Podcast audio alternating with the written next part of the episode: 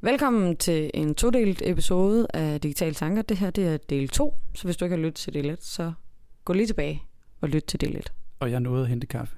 Det er ikke noget at hente kaffe, så øh, nu går vi i gang igen og øh, fortsætter bare, Mm. hvor vi slap egentlig. Skønt.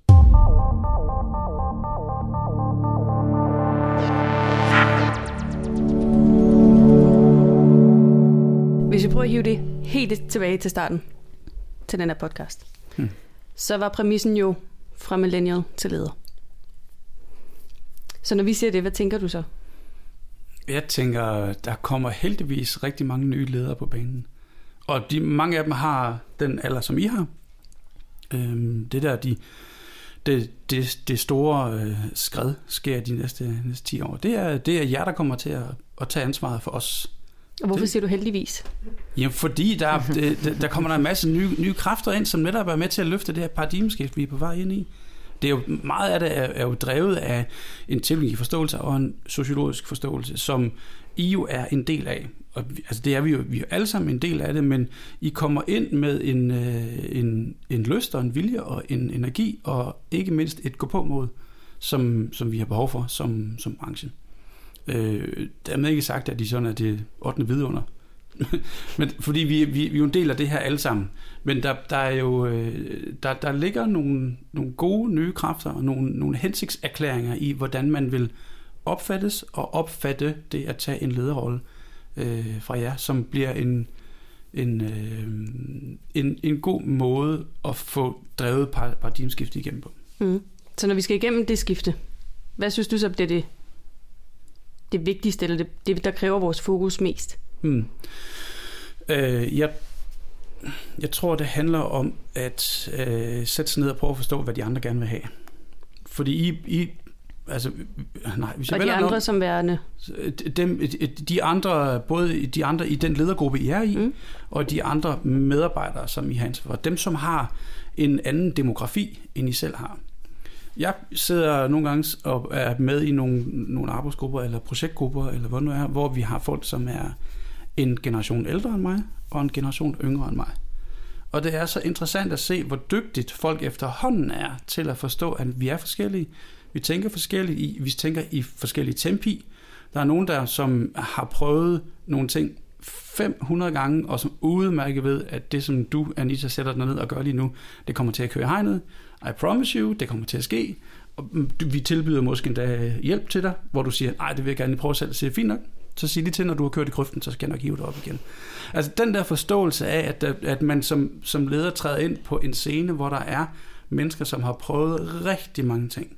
Og man tør lytte til dem, at du tør erkende, at de er bedre end dig på nogle områder. Det tror jeg bliver en kæmpe kompetence, når man som ny leder, upagtet om man er millennial eller boomer eller hvad det er, når man som ny leder træder ind i en kontekst, det er at forstå, at der sidder en række forskellige mennesker, og de har forskellige baggrund, forskellige holdning, men de alle sammen er der for at, at sikre en fælles succes på hver sin egen præmis.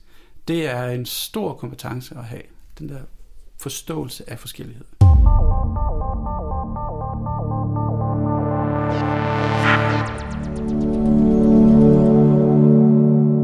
Den anden ting, man skal være klar over, når man som ny leder træder ind og tager et lederskab, det er, at øh, de forventninger, man har til eget produktionsniveau, kvalitet og hastighed, er ikke nødvendigvis det samme, som de andre har.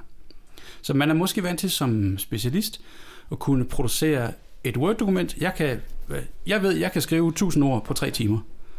Øh, og det hænger sammen, og det er 1000 ord, som når de er skrevet, så er de af en kvalitet, som jeg kan sende direkte til en artikel, øh, øh til en, ved sådan noget, en, en forlægger, så kan det gå i et eller andet sted hen. Det virker. Så noget ved jeg, jeg kan. Øh, men det er jo ikke det samme som alle de mennesker, jeg sidder omkring mig, har den evne. Så man skal vide, når man går ind og tager ansvar for flere mennesker, eller for noget, for, for en produktion, at andre producerer på en anden måde, med et andet tempo, til en anden kvalitet, end man selv gør. Og den der forståelse af, at tempoet måske går ned, men man er fælles for produceret mere, bare et andet tempo, det skal man altså lære. Øh, jeg har oplevet nogen blive skidsure, fordi de, eller og irriterede, fordi de godt kunne se, at folk ikke producerede på samme hastighed, som de selv gjorde. Og så begyndte de, i stedet for at støtte folk, så begyndte de at mikrostyre. Og sige, i stedet for at give folk lidt mere snor og sige, jamen så gør det bare på mandag i stedet for på fredag.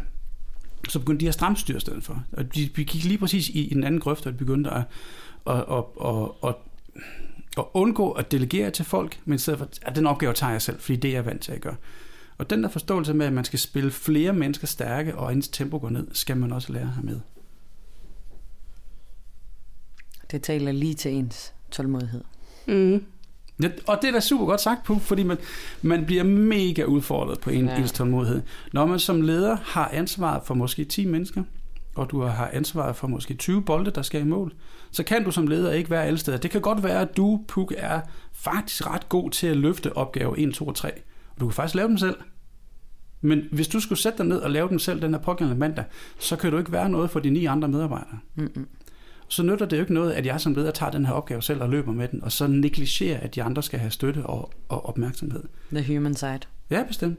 Så fordi du... Og lige om lidt, så kommer vi til de roller, man skal have, når man er leder, men vi, vi, vi er ved at åbne for den nu. Det at kunne at, at være coach og mentor for de andre, og spille de andre stærke, og hjælpe dem til at løfte opgave 1, 2 og 3, selvom du måske, måske er den bedste til den. Det er noget af det, det handler om som leder. Du har ansvaret for produktionen, men du skal ikke producere selv. Og det er, det er faktisk svært. Det skal man lære. Skal lære at slippe den der bold på den rigtige måde.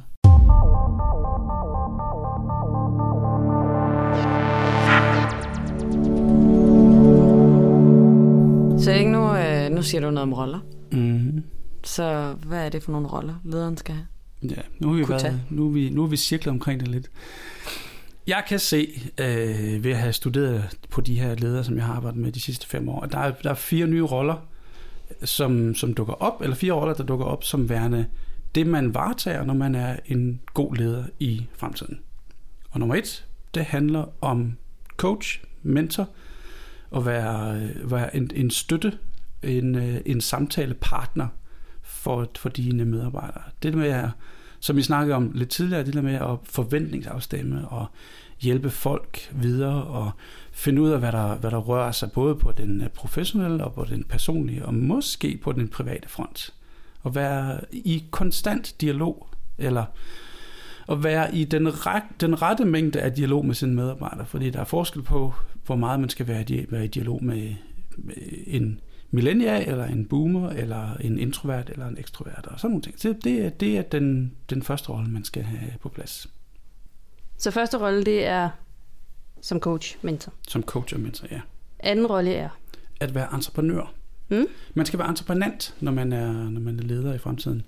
Og entreprenance er noget, man også skal håndtere inde i virksomhederne. Ikke bare, hvis man er en startup, men det at have virksomheder inde i virksomheden, og være intraprenør er der også nogen, der kalder det, men i hvert fald have den der forståelse af, at du skal øh, være konstant innovativ, og du skal være en, en driver mod at løse problemer, mere end du skal være fokuseret på produkter.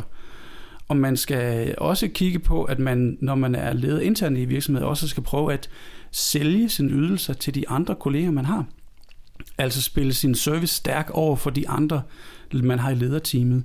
Og være, lave intern PR og lave intern marketing er også en del, man skal kunne, når man på den måde tænker entreprenant. Og det, der også ligger i det, er, at man skal have forståelsen for forskellen på at arbejde i virksomheden og arbejde på virksomheden. Man skal arbejde i sit team, og man skal arbejde på sit team. Når, når du arbejder i teamet som entreprenør eller som leder, så er det der, hvor du hjælper folk med produktionen. Det vi skal have til at ske, det der skal ud over rampen. En service, et produkt, et projekt. Når du arbejder på dit team, så arbejder du med dit teams strategi, og du arbejder med retning, og du arbejder med kompetenceudvikling, du arbejder med den strategiske positionering internt. Hvordan kan vores team hjælpe andre videre? Så det er den forståelse af, at man skal kigge på sit team, som er en, en lille virksomhed i virksomheden. det giver faktisk rigtig god mening. Hmm. Han er klog, ham ikke? Det er han faktisk. Derfor han har skrevet en bog. Det var så de to første. Så har vi nummer tre. Nummer tre, den handler om white space. Det bliver du nødt til lige at definere først. Ja, for det er også et begreb, som er stjålet fra en helt anden øh, disciplin. Hvis Jeg man skal lige arbejder- høre, taler vi altså white, hvid white, eller white som i bred? Hvid, Hvid. Hvid. white, Mm. Hvid space. White. white space. White space management er en disciplin, der er taget fra programledelse. Hvis man er projektleder, så har man ansvar for et projekt. Hvis man er programleder, har man ansvar for et antal projekter. Mellem de her projekter, der er der det, der hedder white space. Hvid hvid rum, det kan man ikke kalde det. Hvid støj. Hvid, nej, heller ikke det, Nej. dog ikke. Nå. Øh, men white space er det, det område mellem projekterne, hvor der er øh, u, udefineret strategi, eller der er projekter, som falder mellem stolene, eller aktiviteter, som vi ikke har beskrevet, eller øh, politik, eller rygter, eller aktiviteter, som vi ikke har set endnu, der skal løftes. Og de fede ledere i fremtiden, de er i stand til at håndtere white space og se det og samle det op og få de opgaver, der er faldet mellem stolene, placeret på nogle stole. Og det hænger rigtig meget sammen med øh, rolle 2, som er entreprenøren. Det at være intern entreprenør, så ser man nogle gange det, der falder mellem stolene, hvis man er rigtig opmærksom på det. Vi snakkede lidt tidligere om øh, det, man måske ikke er så god til. Jeg ved, jeg er ikke god til white space. Øh, den måde, jeg håndterer at få det white space fundet, det er ved at sætte folk sammen og få folk til at snakke sammen, så vi ved, at 1 plus 1 giver mere end 2, kan få øh, sat øjne på det white space, vi nogle gange har. Er der noget, vi ikke ser? Er der noget, vi burde have set? Øh, en af de mennesker, jeg ved, der er bedst til det, han hedder Peter Skødt, og er, arbejder i, i Proaktiv. Han er super god til at se det der white space, og den måde, han håndterer det på, det er at være i konstant dialog med sine medarbejdere og sine kolleger og sine lederkolleger. Simpelthen på at forstå, hvad der foregår, så derfor kunne konsekvensberegne sin, uh, det lader til, at vi ikke har styr på det her over, eller her er en mulighed, vi, vi, vi ikke er løbet med endnu. Så man kan sige lidt ting, man burde gøre, eller ting, man kunne gøre Præcis. som muligheder. Ja, lige, lige præcis. Mm. Øh, muligheder, som man enten ikke har set endnu, eller muligheder, som man kan, kan, kan løbe efter. Lige præcis. Hmm. Det tror jeg heller ikke, jeg er så god til. Lige umiddelbart. Jeg synes, jeg, jeg synes det, er, det er vildt svært, fordi man skal kunne se noget, man ikke har set endnu. Det, Men- det, det er det uudtalte, som man skal kunne opfange. Det svære kan vel også være, fordi jeg, jeg har lidt nok ved at se mulighederne, men at få dem, altså lidt sige, om det er en bold, som jeg kaster til medarbejder C, så skal du både du ved, få lavet til en konkret opgave, og motivere medarbejder C til at vil tage den opgave. Hvem siger, at du skal gøre det til en konkret opgave endnu? Hvem siger, at, eller i, i stedet for kan man sige, at, at du har set, der er en mulighed herover, og så spørger medarbejder C, har du en idé til, hvad vi kan bruge den til? Mm, Du behøver ikke komme med alle løsningerne.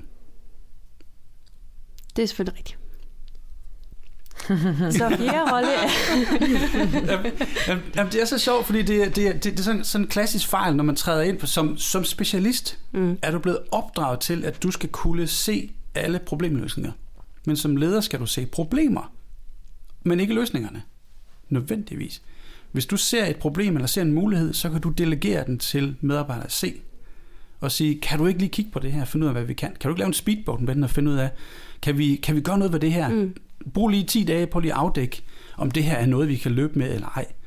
Og, og på den måde skal du ikke, hvis du, hvis du er god til white space, så ser du, der ligger noget på gulvet, som der ligger en eller anden mulighed, og så samler du den mulighed op, og så giver du den til Puk, og siger, Puk, giver du ikke løb med den her? Du har lige en 3-4 timer, kan du ikke finde ud af, om det her overhovedet er noget eller ej? Så vend lige tilbage, og så siger Puk, nej, det er ikke noget. Fint, så parkerer vi den.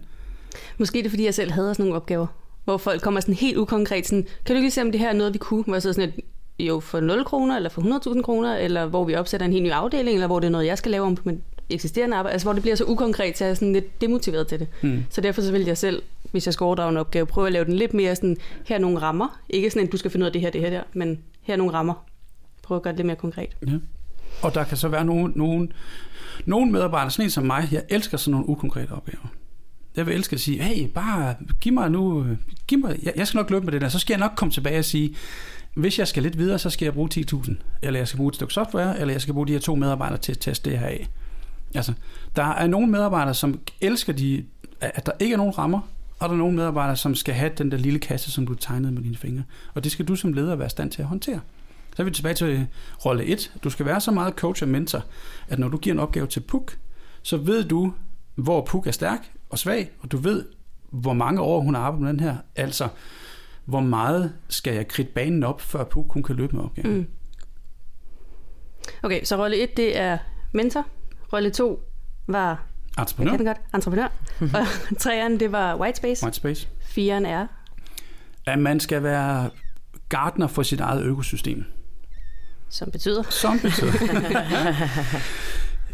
dit eget økosystem er alle de relationer, du har, al den sociale kapital, du opbygger som leder. I organisationen eller også udenfor?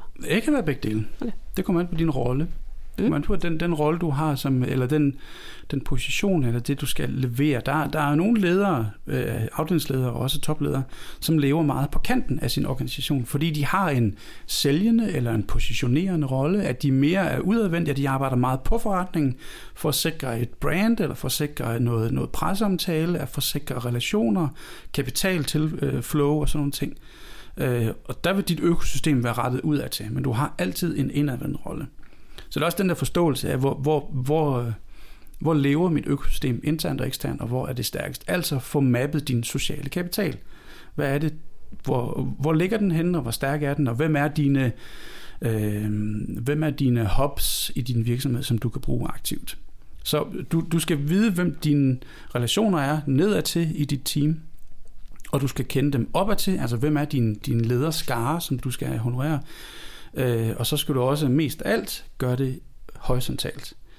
Øh, de fede ledere, som, som gør det her rigtig godt, de, øh, de arbejder så meget horisontalt med de andre ledere, de andre teamleads eller afdelingsledere eller senior vice presidents, at de begynder at løse hinandens problemer. Mm. At vi begynder at spare med hinanden og åbne for den der at sige, jeg er lidt usikker på, hvordan vi gør det her over i den her afdeling. Kan du ikke hjælpe mig?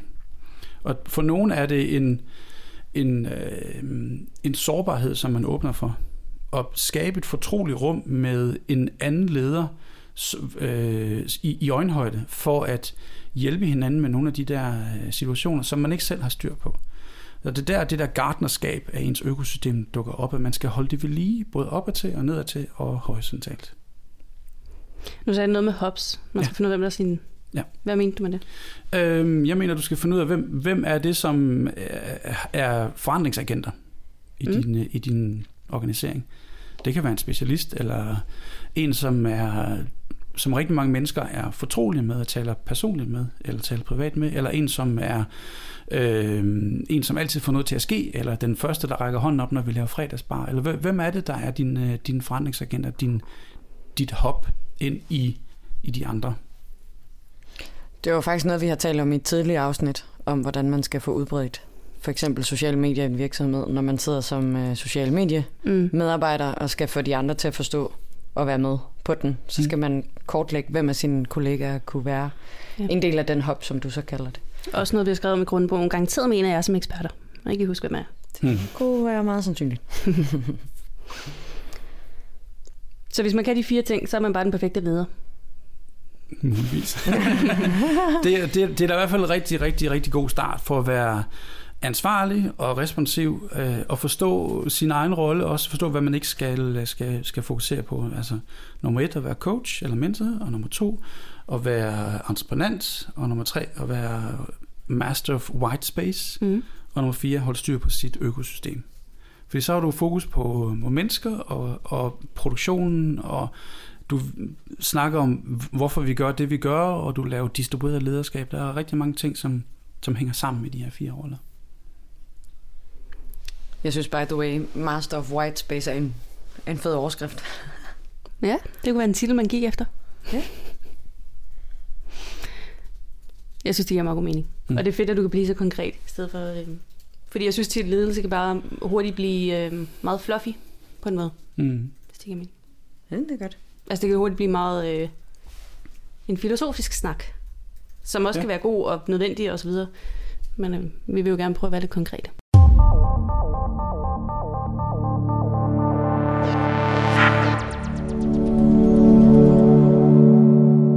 Jeg sidder og snakker længe her, og det lyder som, jeg har sådan fået en, en pipe og et glas cognac og en pejs, og så sidder jeg, den gamle mand her og snakker. Er det ikke, er det ikke mærkeligt at høre mig sidde bare, bare snakke om, snakke om, om, om, om ledelse? Som, altså, hvad tænker I selv om, om den ledelse, som I har oplevet omkring jer? Hvad, hvad er det, der, der foregår omkring jer? Altså nu er det begrænset, hvor meget erfaring jeg har med ledere. Du har jo haft ledere, måske som lederrollen har du måske begrænset erfaring, men du har jo været omgivet af ledere. Du er jo blevet ja, ledt. men alligevel ikke så meget. Altså, jeg har haft to chefer i mit liv, ikke? Mm. Eller to, som jeg vil betragte som chefer i den rolle, som min chef nu udfylder, fordi jeg er i mit første job. Så mm. derfor har jeg jo ikke verdens erfaring med ledere. Har du ikke haft studiejobs eller ungdomsjobs med ledere? Jo, er mit studiejob kun en, som jeg vil betragte som en leder, en chef. Kan, kan du komme på nogle gange, hvor du har oplevet fantastisk god ledelse? Det er nu, jeg selvfølgelig siger, at ej, det gør jeg ikke, men jeg har, jeg har en god leder. Mm. Jeg ved bare ikke, om man kan finde øh, den leder eller det øjeblik, hvor man har hele billedet med. Altså jeg tror, det lidt ligesom vi snakkede om med Puks workshop, at man vil altid savne et eller andet i sin leder. Er min erfaring i hvert fald.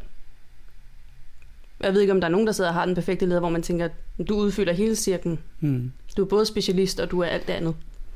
Jeg tror bare ikke altid, at man i sin leder har brug for, at hele pizzaen er dækket. Det tror jeg, du har fuldstændig altså, ret i. Men jeg... det er jo også svært, fordi en, en leder vil jo altid have flere forskellige medarbejdere, de har flere forskellige behov. Så hvis lederen skal dække alle de forskellige behov, så vil man jo også være nødt til at udfylde hele spektret, men det tror jeg ikke helt et menneske kan. Nej, det er rigtigt. Jeg tror nemlig på, at, at den fede ledelse opstår i det rum, der er mellem folk.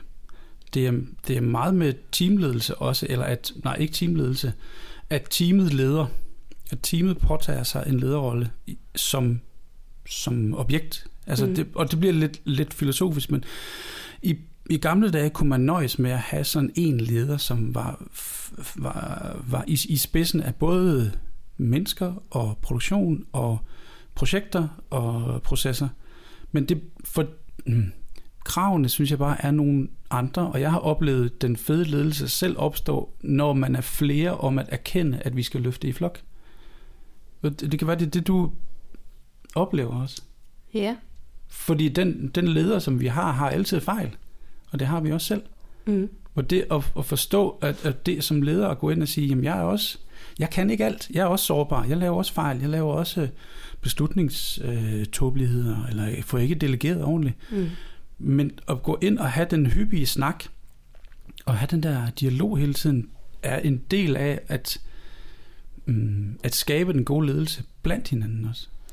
Altså der tror jeg da også, nu øh, hvis jeg tænker tilbage til, da jeg var i Legoland, så leder teamet, øh, også kaldt supervisorne, de rummer forskellige kvaliteter og øh, selvfølgelig persontyper og forskellige dele af pizzaen. Og nu når jeg så tænker over det, så har de der opfyldt forskellige af de der behov, så jeg kan ikke sige, at en af dem som sådan var en dårlig leder eller en fremragende leder, fordi sammen dækkede de jo alt det, jeg havde behov for. Jeg vidste jo, at hvis jeg skulle have styr på mit shit, så skulle jeg gå til den, og hvis jeg havde brug for lige at tale om nogle ting, skulle jeg gå til den anden. Mm. Så sammen udgjorde de jo netop alt det, jeg havde brug for. Mm. Så jeg synes, det, jeg synes, det var fantastiske supervisor, vi havde. Altså nogle gange kunne man godt mærke, når de fik en ny ind i teamet, som måske var lidt for meget i den ene grøft, så var balancen ikke helt i orden, indtil personen fandt sin rolle i, i teamet. Men, men det er så også en anden måde at anskue lederen på. Fordi en ting er, hvis du kigger på lederen isoleret set, og vurderer, at du er en god leder, fordi du skal kunne alle de her ting, så tænker jeg bare, at der vil altid mangle et eller andet. Så hvis vi siger, at du har en leder, som du ikke synes er faglig specialist, så du kan fagligt ikke lære noget af lederen, men på alle de andre parametre er det tip-top, jamen så har du måske en øh, kollega eller en mentor eller et eller andet, som du kan få den faglige sparring fra. Det er fuldstændig. Mm. Så derfor så bliver alle dine, øh, dine krav, eller hvad, din, det du gerne vil have udfyldt, det bliver udfyldt, men bare ikke af en og samme person. Det er fuldstændig. Og det vil det vel også sjældent blive udfyldt af en og samme person. Så er vi mm. tilbage til rolle 4, det der økosystem, som man skal forstå som leder. Som leder skal du forstå dit økosystem, forstå, hvem der er den gode fagperson, hvem der er den gode projektperson, hvem der er den gode sparringsperson, hvem der er den gode forretningsperson. Det skal du vide. Mm. Jeg, jeg, jeg kender en, en, en dansk virksomhed, øh, som når de starter teams op, det første de gør, det er, at de kortlægger øh, og hvad hedder den, insights-profilen mm. øh, på alle medarbejdere. Øh, og det gør det, og de, de, de gør det inden for de første 14 dage for at få, for at vide, hvem er stærk på kommunikation, hvem er stærk på faglighed, hvem er følelsesmæssigt stærk, så man, når man bruger hinanden, kan gøre det aktivt. Øhm, og, altså, det er da noget af det første, man, man jeg, jeg, jeg synes, det er super godt gjort. Og som, som leder, hvis du, Anita, går ind og tager dig en lederrolle, så, så med det samme kortlæg din egen styrker og teamets styrker, for at finde ud af, hvordan I kan spille hinanden stærke, og hvilke beslutninger du skal tage, og hvilke beslutninger du skal gøre sammen med andre. Og, og læg mærke til, at jeg ikke siger svagheder, men siger, mm. hvor er I stærke hen.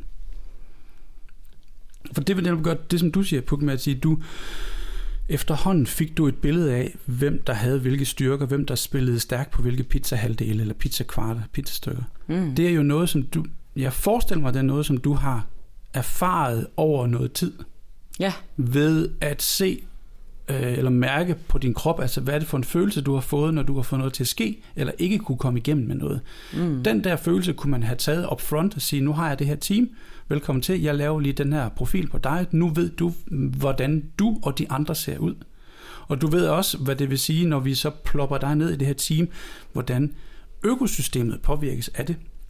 Fordi hvis du kommer som nummer 4, 5, 6, 7 og har samme profil som de andre, så bliver vi endnu stærkere på det her. Men hvis du kommer som nummer 1 og har en styrke i en anden pizza slice, så vil du vide, hvordan du påvirker økosystemet, fordi du kommer til at kommunikere anderledes. Din delegeringspraksis, den måde du håndterer en deadline, eller din forståelse af fritid, er anderledes i de andre pizza slices. Mm. Men så kan man også sige, at nøglen til at blive den bedst mulige leder, nu ser jeg bevidst ikke den perfekte leder, fordi det tror jeg altså ikke findes. Sorry. Øh, det er vel så netop, som du siger, at finde sin, sin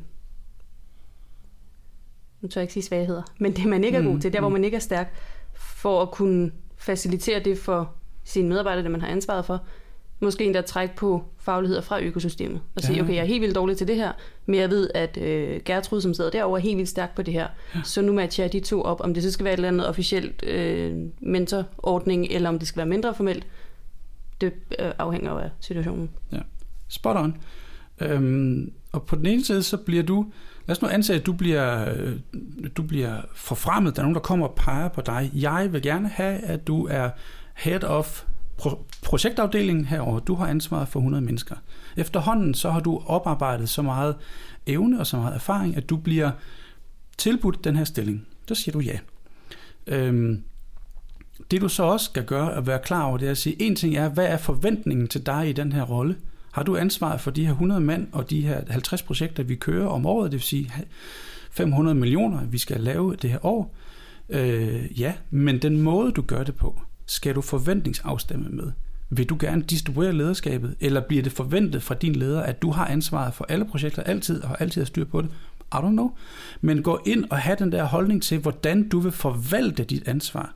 Vi snakkede i starten om, hvad vil det sige at have et leder? Det vil sige at tage et, at tage et ansvar. Yes men du skal forvalte det balanceret mellem, hvad der forventes af dig, og hvad du selv har lyst til. Og det er æder med, undskyld, jeg banner i en podcast. Det er okay. Det, det må man godt hos os. Okay. Fuck. Det er svært at have den der balance, og det er noget, man lærer ved at øh, forstå, hvornår man er en succes, og forstå, hvornår man laver fejl i, i, i det her spektrum her. Mm. Men du, du, du er nødt til selv at gå ind og øh, og have en holdning til, hvordan du vil forvalte dit ansvar. Og det starter også med at vide, hvem du selv er. Hvad, hvad, er, hvad er din opvækst? Hvordan har du haft det i skolegården? Hvordan øh, er, er du blevet øh, behandlet af, de, af dine forældre, af din, dem, du gik i gymnasiet med, øh, dem, du spiller fodbold med? Hvordan, hvordan er du, når du spiller nede i bandet? Altså, hvordan omgås du med mennesker? Hele den der forståelse skal man have af sig selv, og det gør man kun ved at øh, sætte sig ned og kigge på sig selv, og så bede om noget feedback. Altså have hyppig nok feedback fra sine øh, kolleger og sine ledere og sine medarbejdere. Mm. Ja, for jeg sidder og tænker, at du bliver hurtigt en subjektiv leder. Fordi hvis du skal måle succes, så bliver det, Nå, men jeg synes, jeg gør det her ret godt, jeg synes, jeg gør det her mindre godt, men det kan jeg jo arbejde på.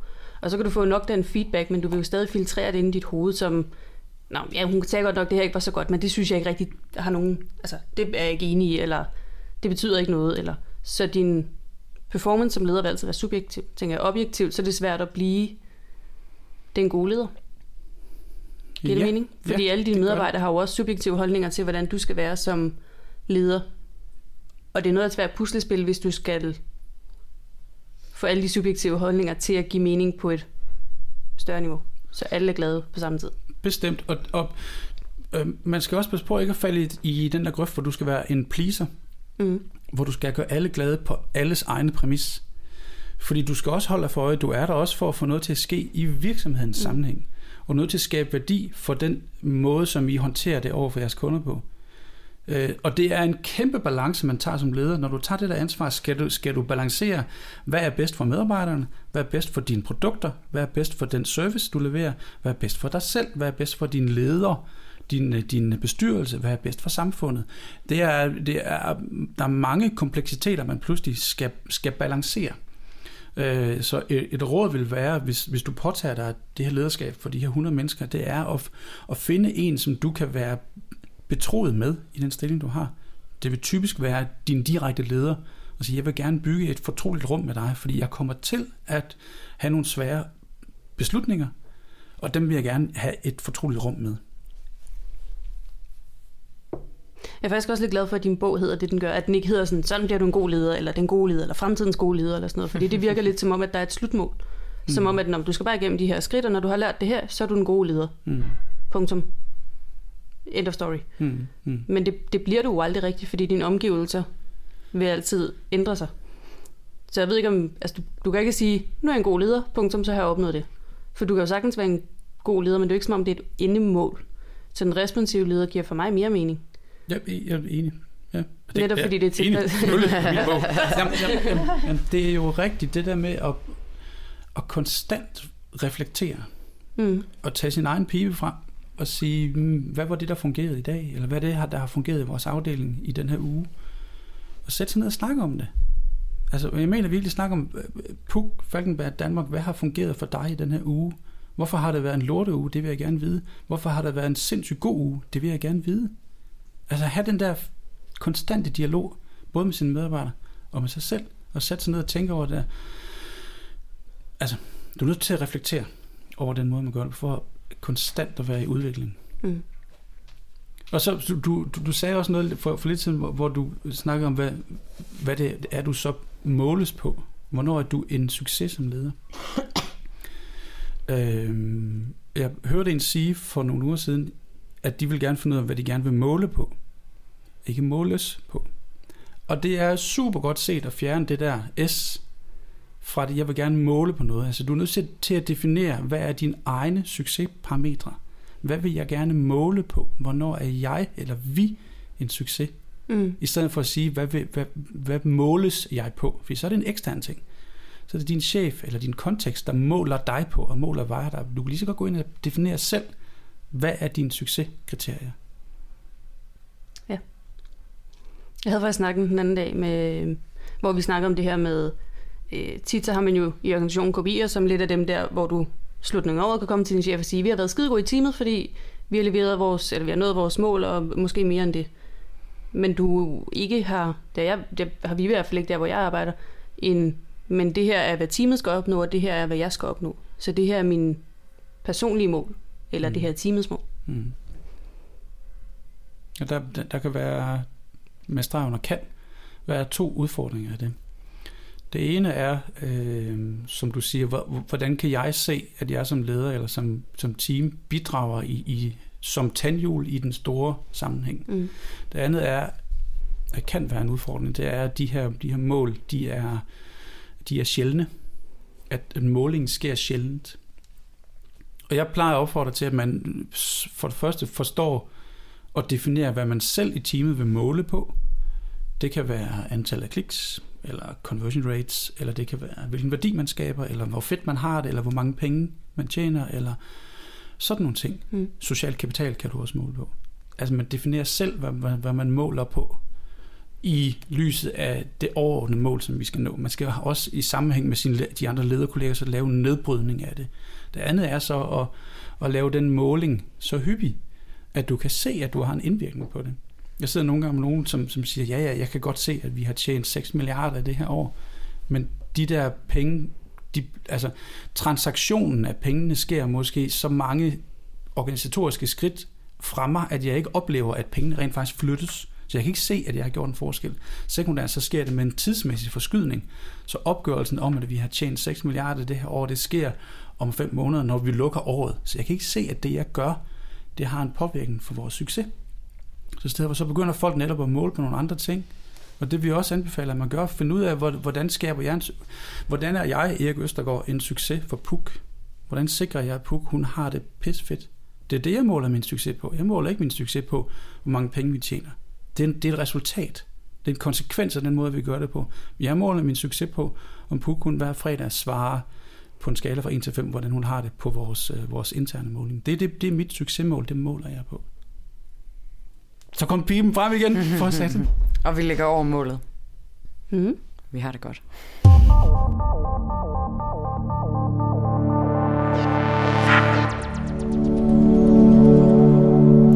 Men inden vi laver en opsummering Mm. På øh, alle de her gode ting, der er kommet ud af øh, snakken, så synes jeg lige, at vi måske lige skal tage et blik ind i, hvad er det, din kommende bog kommer til at handle om? Kort opsummeret af det, du ikke har sagt her. Fordi noget af det, du har sagt her, det står jo også i bogen. Mm. Men der står jo også meget mere i bogen. Oh ja, Så hvis du... Øh, jeg ved, der er noget med nogle guiding principles, det. og øh, der er fem af dem. Og øh, noget lidt andet, så hvis du kunne sætte ord på, hvis man nu synes, den her snak har været fed, og man tænker, må vide mere, kan du så give et kort indsigt i, hvad man kan vide mere om, hvis man læser bogen? Det kan du da tro. Bogen hedder The Responsive Leader og beskriver øh, guiding principles for den nye ledertype. Den beskriver de fem områder, som de fem guiding principles påvirker. Den beskriver de fire roller, som vi har snakket om i dag, og den beskriver de otte adfærdsmønstre, som jeg kan se de fede ledere, de så agerer efter. Og til sidst beskriver den øh, en ny form for bundlinje, som lederne af sig selv ønsker at måle på. Så det opsummeret, så er det det, den handler om. Den samler op på de sidste 5-10 års erfaringer, som jeg har gjort mig med, med ledere og ledelse. Både når jeg selv har været leder, og når jeg har hjulpet andre ind i øh, det her paradigmeskifte fra old school til new school ledelse. Og så handler den om, hvordan man balancerer lige præcis. Hvornår skal jeg være old school og være øh, øh krævende og være stramstyrende, og hvornår skal jeg være new school og være løs og delegerende. Og til sidst så er der tre cases, danske virksomheder, som er med i bogen. En øh, fra Danske Bank, og en fra Pengale, og en fra Proaktiv. Så det er kort fortalt det, bogen handler om. Kan du lave sådan en, øh, hvis du har et budskab med bogen, så er det... Åh, det er meget svært. Et budskab er, øh, jamen, så skal det være overskriften.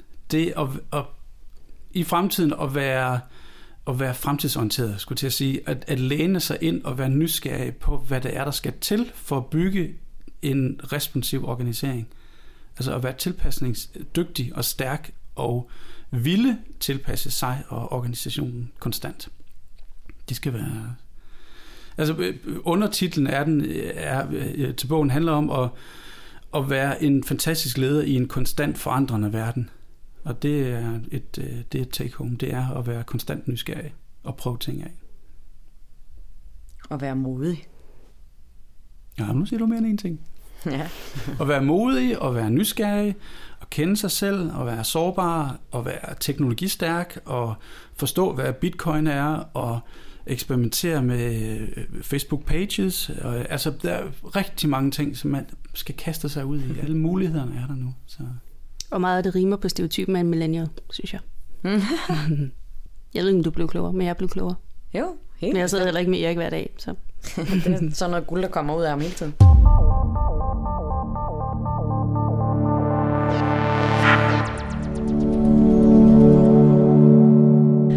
Hurtigt skal øh, summere op her, inden afsnittet slutter, så har vi snakket om øh, pizzamodellen. I forhold til, hvordan man bevæger sig rundt som leder på forskellige øh, pizzastykker, skulle jeg lige til at sige. Vi har snakket om The Neo Generalist, vi har snakket om rollerne, vi har snakket om, hvad er en leder, hvad, hvordan bliver man en, en god leder, og Situationsbestemt ledelse, situationsbestemt ledelse og distribueret lederskab. det har vi også snakket om. Lige præcis. Social kapital. Vi har snakket om rigtig meget, og der bliver meget i show notes i dag af links og øh, diverse fede ord, der måske lige bliver defineret for dem, der øh, skal have det på skrift. Og modeller. Og modeller. Masser af modeller. Så det var, øh, det var det her afsnit om fremtidens ledelse. Mm. Det var godt, vi lige havde Erik med. Og så en, øh, en hurtig sidenote, det er jo, at øh, Blogger Østergaard har også en podcast, der faktisk hedder Fremtidens Ledelse To Go. What? Så man kunne jo lige gå derover Og få mere af det her. og få mere af det her, Mm. øh, hvis man er til sådan noget. Jeg kan anbefale den. Og tak til Erik. I sidder og hygger derovre. Altid. det gør vi altid hele podcasten.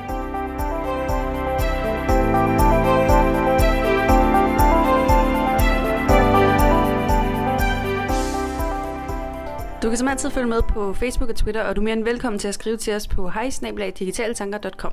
Der skal lyde en stor tak til Kasper og Thomas, som er en del af Digitale Tanker, og som altid hjælper os med at få podcasten ud og leve i den digitale sfære. Vi vil alle sammen være super taknemmelige, hvis du har tid og lyst til at anmelde podcasten i iTunes. Det gør nemlig alt muligt ved iTunes algoritme, som vi godt kan lide. Øh, og så kan andre, som måske finder podcasten interessant, jo lytte med og finde den og opdage den. Vi øh, håber, at det her afsnit tager gang i dine digitale tanker, og at du nød en stund i dit faglige frirum.